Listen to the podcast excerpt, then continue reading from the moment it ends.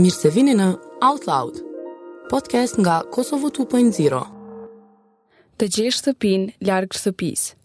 Nga Fjolla Shaqiri, lexuar nga Aulon Kadriu. Tregim i rritjes dhe lisave. Frika nga Sylvia Plath.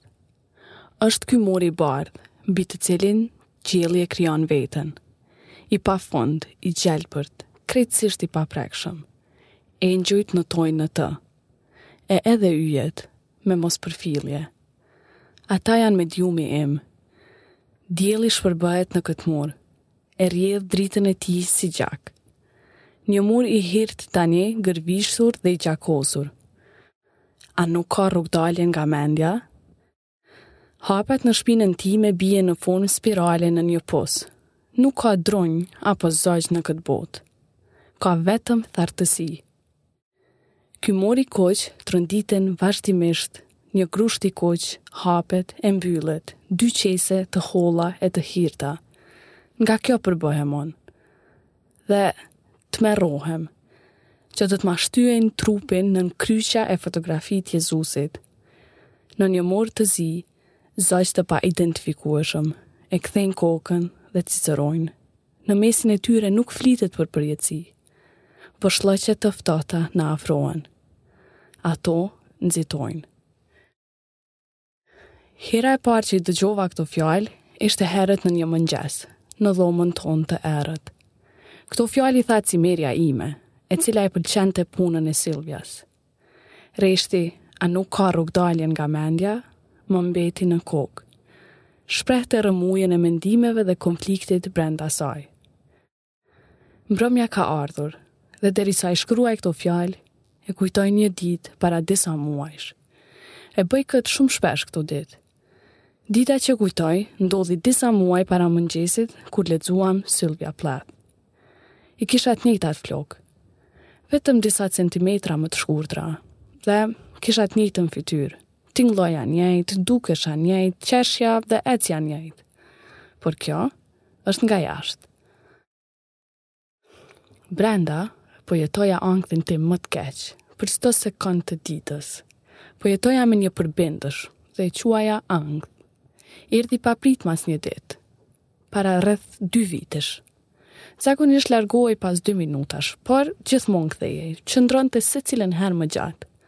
Me të kaluar koha, vizitat u bënë më të shpeshta, derisa qëndroi përherë, Miku im i ri ishte gjithmonë me mua. Ndonëse u bë miku im, nuk kishte kuptim prania e tij.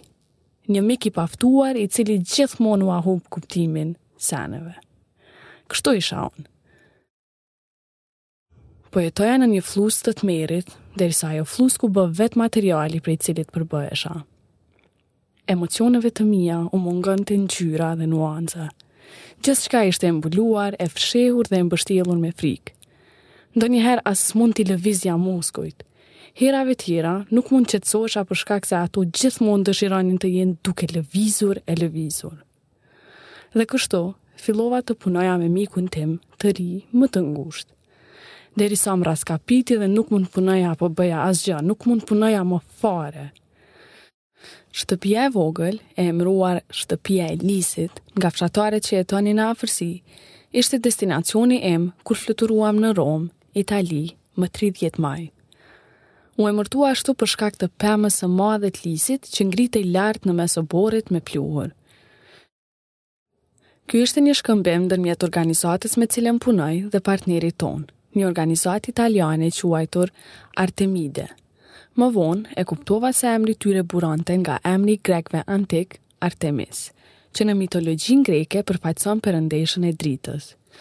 Kjo shtëpi do të bëhej burimi i dritës sime për muajt e ardhshëm. Sendi i parë që e vrejta ishte aroma e kësaj shpije. M'i kujtonte teshat e palara dhe erërat natyrale dhe vendet që nuk pastrohen shpesh. Por, ishte era më qetsuse, relaksuse dhe natyrale që e kisha nuhatur ndonjëherë. I gjithë vendi dukej si diçka që nëna ime do ta urrente.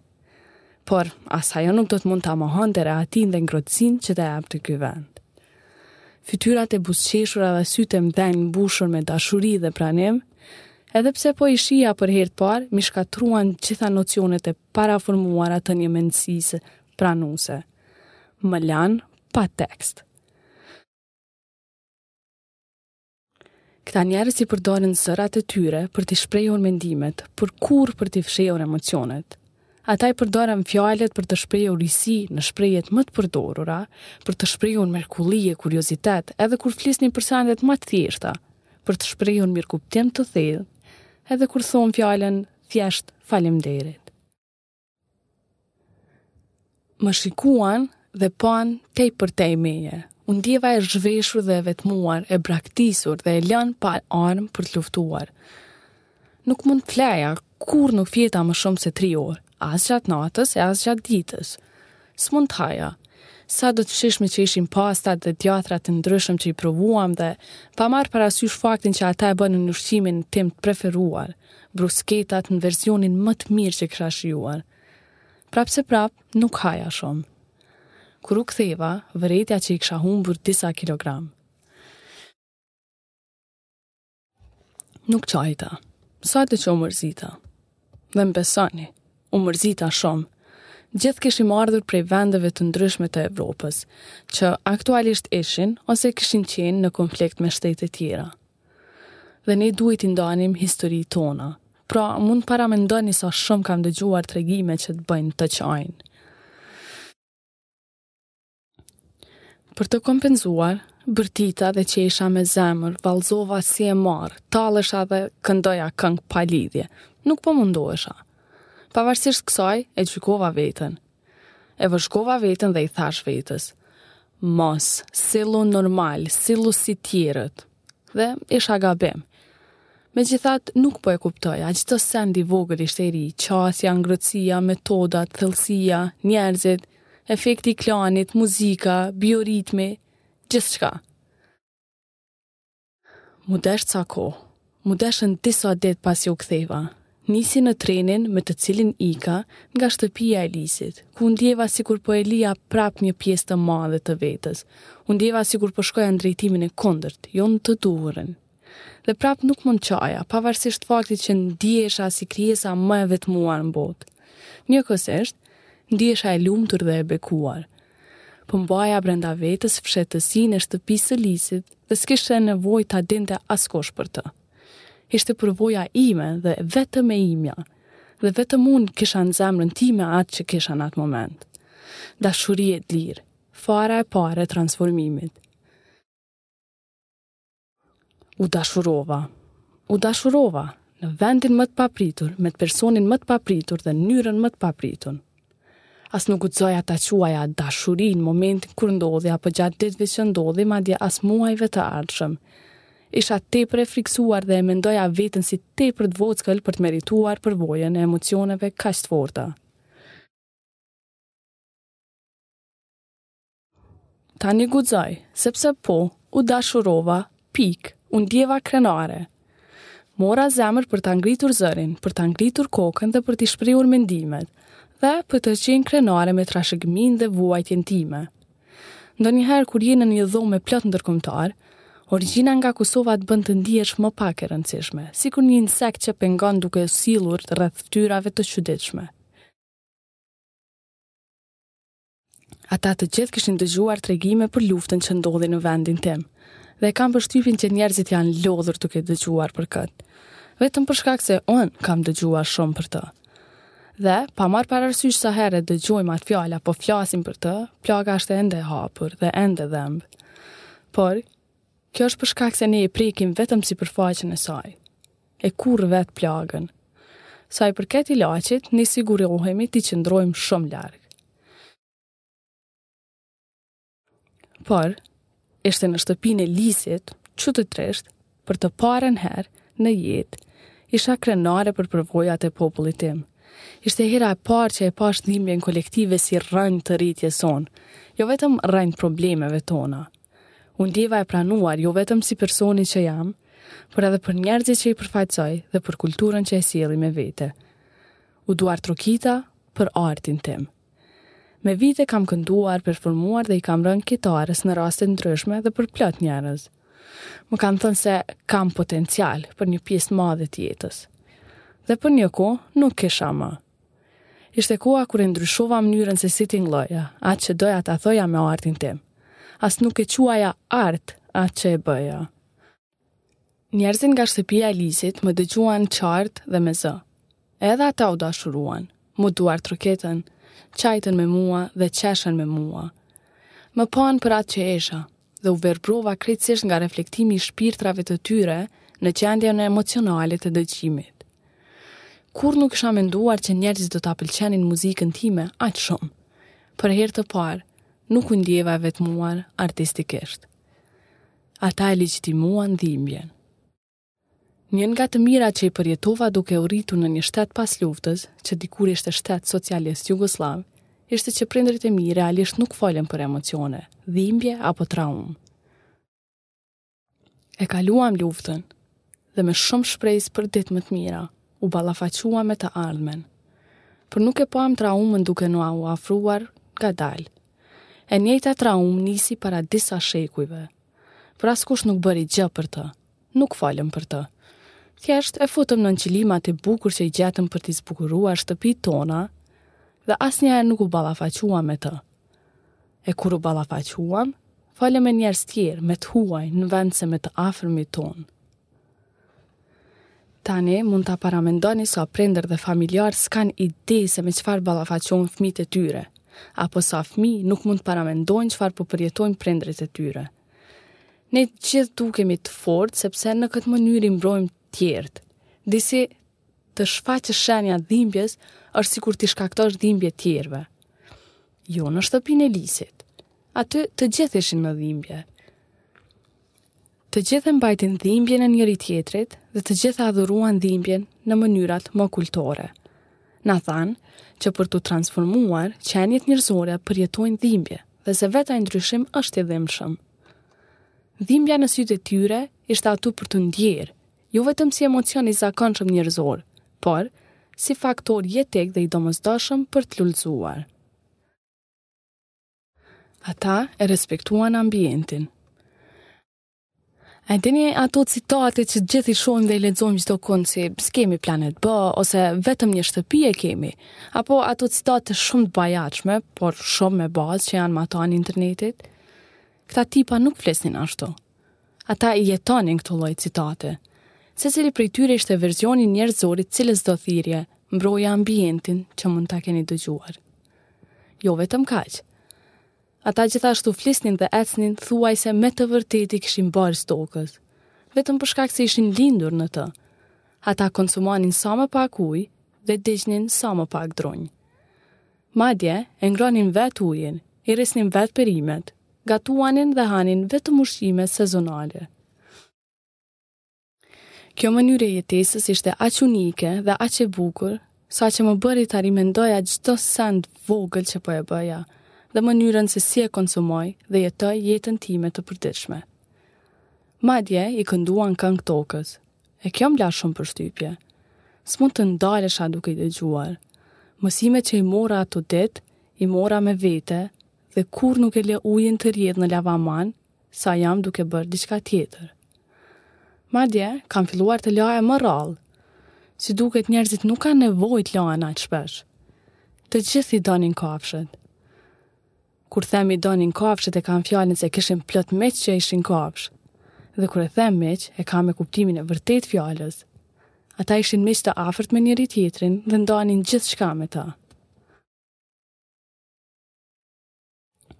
I respektuan si krijesa të barabarta që meritojnë vëmendje dhe të mirat e planetit tonë. Morën kohën dhe dhanë hapësirën për të bashkëjetuar jo vetëm me gjithkënd, por me gjithçka. Mësova shumë thjesht duke i parë këto marrëdhënie, i tejkaloi të gjitha format e përkushtimit që i kisha parë. Ata jetuan fjalët e tyre. Një send tjetër që më magjepsi, ishte fakti që me sa dukej, ata kurrë nuk gënjenin, fshehnin, dhe kurrë nuk e shtrembëronin realitetin vetëm për shkak se ne ishim pjesëmarrës, dhe ata organizatorë të trajnimit e përgjegjës për të. Ishin të hapur dhe të qetë, veçanërisht kur merreshin me situata ad hoc. Më së shumti rëndësi kishte fakti që kur thonin që diçka do të ndodhte, atëherë ndodhte me të vërtetë. Kur nuk ndodhte, më vonë na shpjegonin sinqerisht pse nuk ndodhi. Ata nuk punuan, ata jetuan, ata nuk përdorën metoda joformale, ata jetuan në mënyrë joformale. Ata nuk na mësuan për teatër, ata jetuan në teatër dhe për teatër. Ata nuk kërkuan respekt, ata i dhanë respekt çdokujt dhe gjithçkafit. Ne nuk folëm për vlerat që i ndanim dhe ata nuk u munduan të na bindin që ato vlera ishin të duhurat.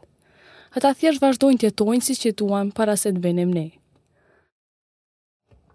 Më e rëndësishme është që sigurisht do të vazhdonin të jetonin ashtu për një kohë të gjatë pasi shkuam ne. Kushdo që e kishte më lehtë të përshtatej dhe përputhej, e kalonte kohën më të mirë të jetës. Por, pas disa ditësh, të gjithë u përshtatën dhe u përputhën dhe u bënë pjesë e klanit, ashtu siç thanë ata. Ata luftuan për tjerët, të cilët nuk mund të luftonin.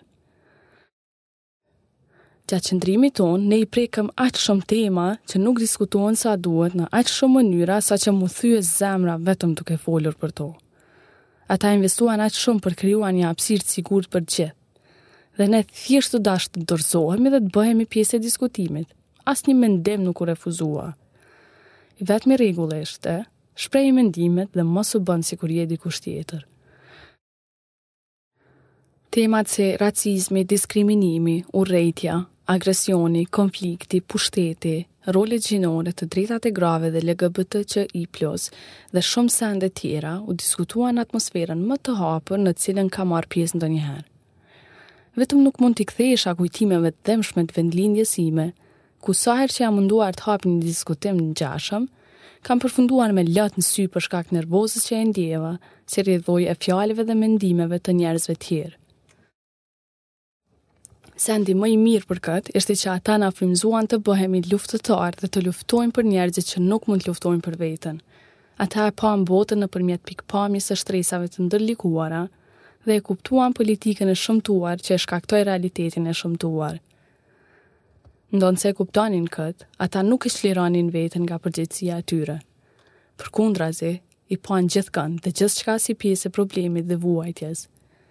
Kjo qasje holistike dhe multidimensionale, e kombinuar me metodat e përqendruara në veprime, ishin disa prej arsyeve për cilat i doja këta njerëz aq shumë. Thjesht dukej që dinin, Ata s'luanin koqe me budallakina të inferioritetit a superioritetit. Një nga mendjet më të mençura për cilat kam lexuar, psikoanalisti Carl Jung e quajti këtë teoria e pushtetit, që teorizon që njerëzit kanë nevojë ta vendosin veten në një nga dy pozitat e mëdha, si i fuqishëm apo i pafuqishëm.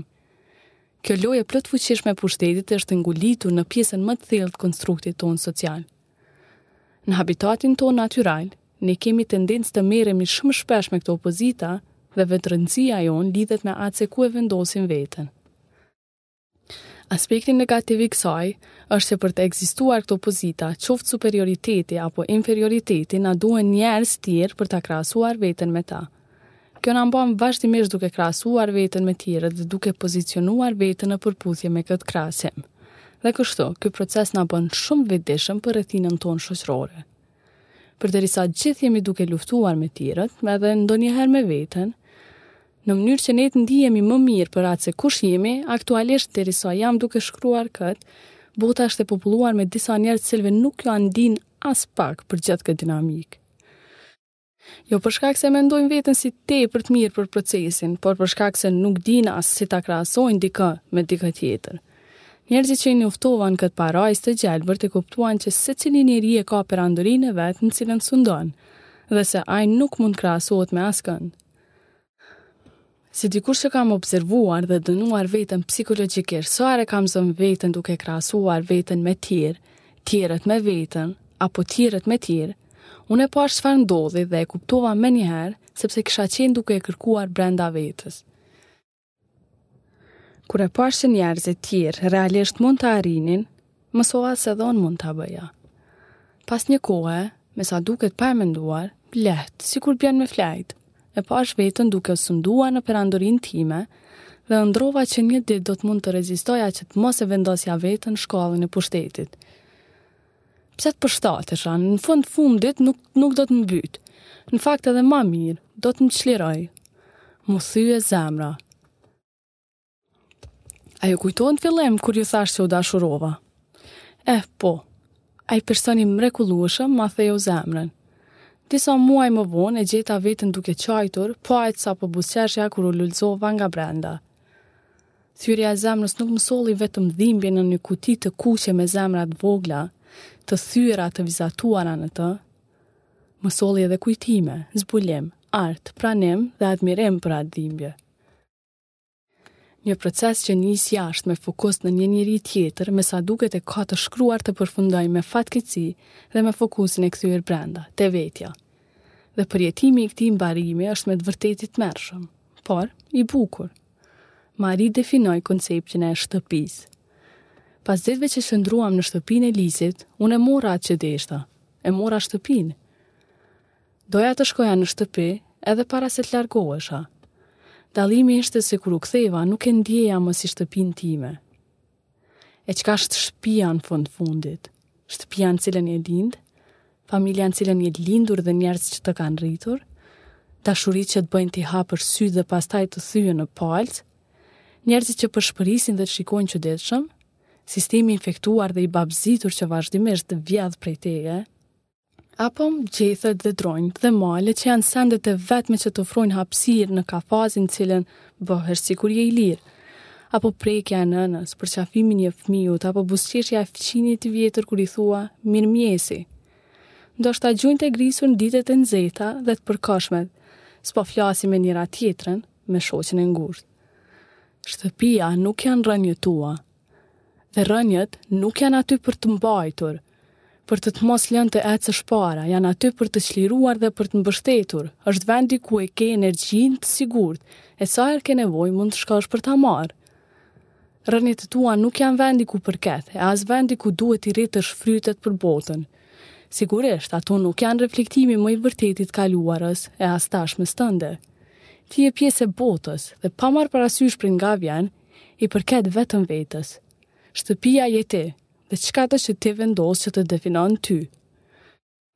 U bëra mik më i mirë, pasi u ktheva dhe nisa jetën time të re, s'mund të mos e dalloja një send. Ishte më se e dallueshme që kishin filluar të më mungojnë njerëzit e shtëpisë së Lisit në momentin që u ktheva. Vazhdoja të mendoja për ta dhe iu tregova gjithë njerëzve që i takova dhe ndava me ta gjithçka që mund të shprehja për secilin individ që takova në atë shtëpi magjike. Energjia që rridhte nga trupi im derisa po flisja dhe përshkruaja gjithë eksperiencën ishte aq e dallueshme dhe e fortë, saqë njerëzit nuk mund ta mohonin atë. Ajo e njëjta energji më bëri t'i shoh edhe ata ndryshe. Duke marrë shembull ato që m'u shërbyen në atë vend të çuditshëm, e kuptova që e vetmja mënyrë që ne si njerëz të pjekemi dhe të arrijmë progres është duke i sjellur tjerët me vete. Dhe duke e bërë këtë, ne nuk i gjykojmë apo fshihim të metat e tyre dhe nuk mundohemi t'i bëjmë ata njerëz më të mirë, Kjo thjesht nuk është detyra jona. Ne i shohim, po për këtë ne duhet t'i hapim sytë. Ne i dëgjojmë, po për këtë ne duhet ta dëgjojmë me vëmendje secilën fjalë që e flasin ata. Ne i ndjejmë, po për këtë ne duhet të jemi të aftë ta njohim dhimbjen e tyre si legjitime, jo si justifikim për paaftësinë apo dështimet e tyre.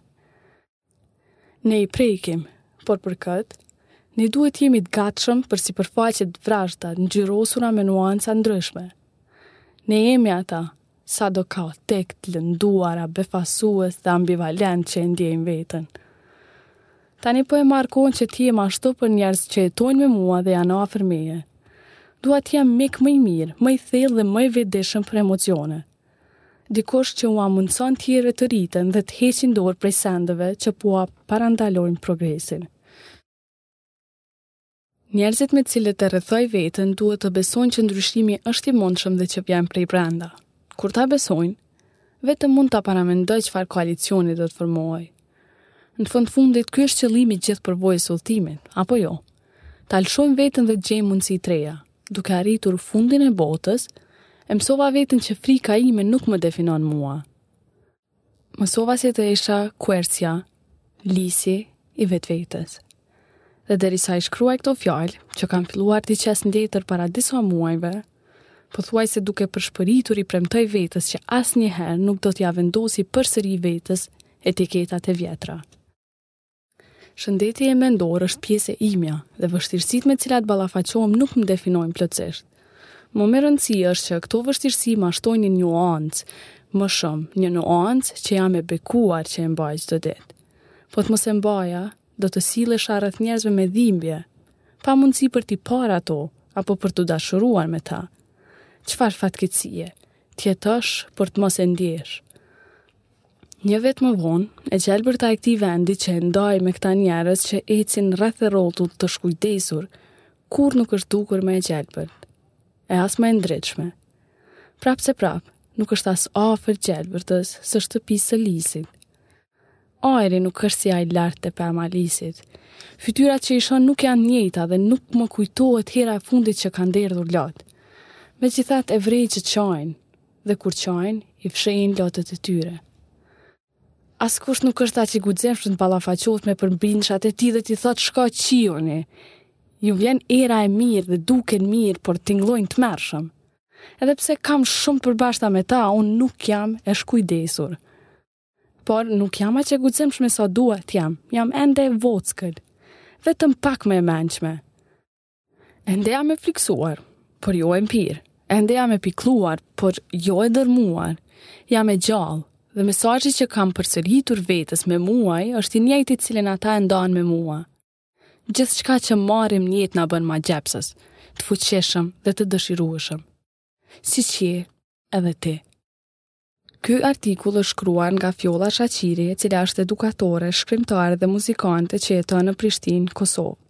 Si edukatore joformale, ajo punon me rininë kosovare çdo ditë në OJQ Toka.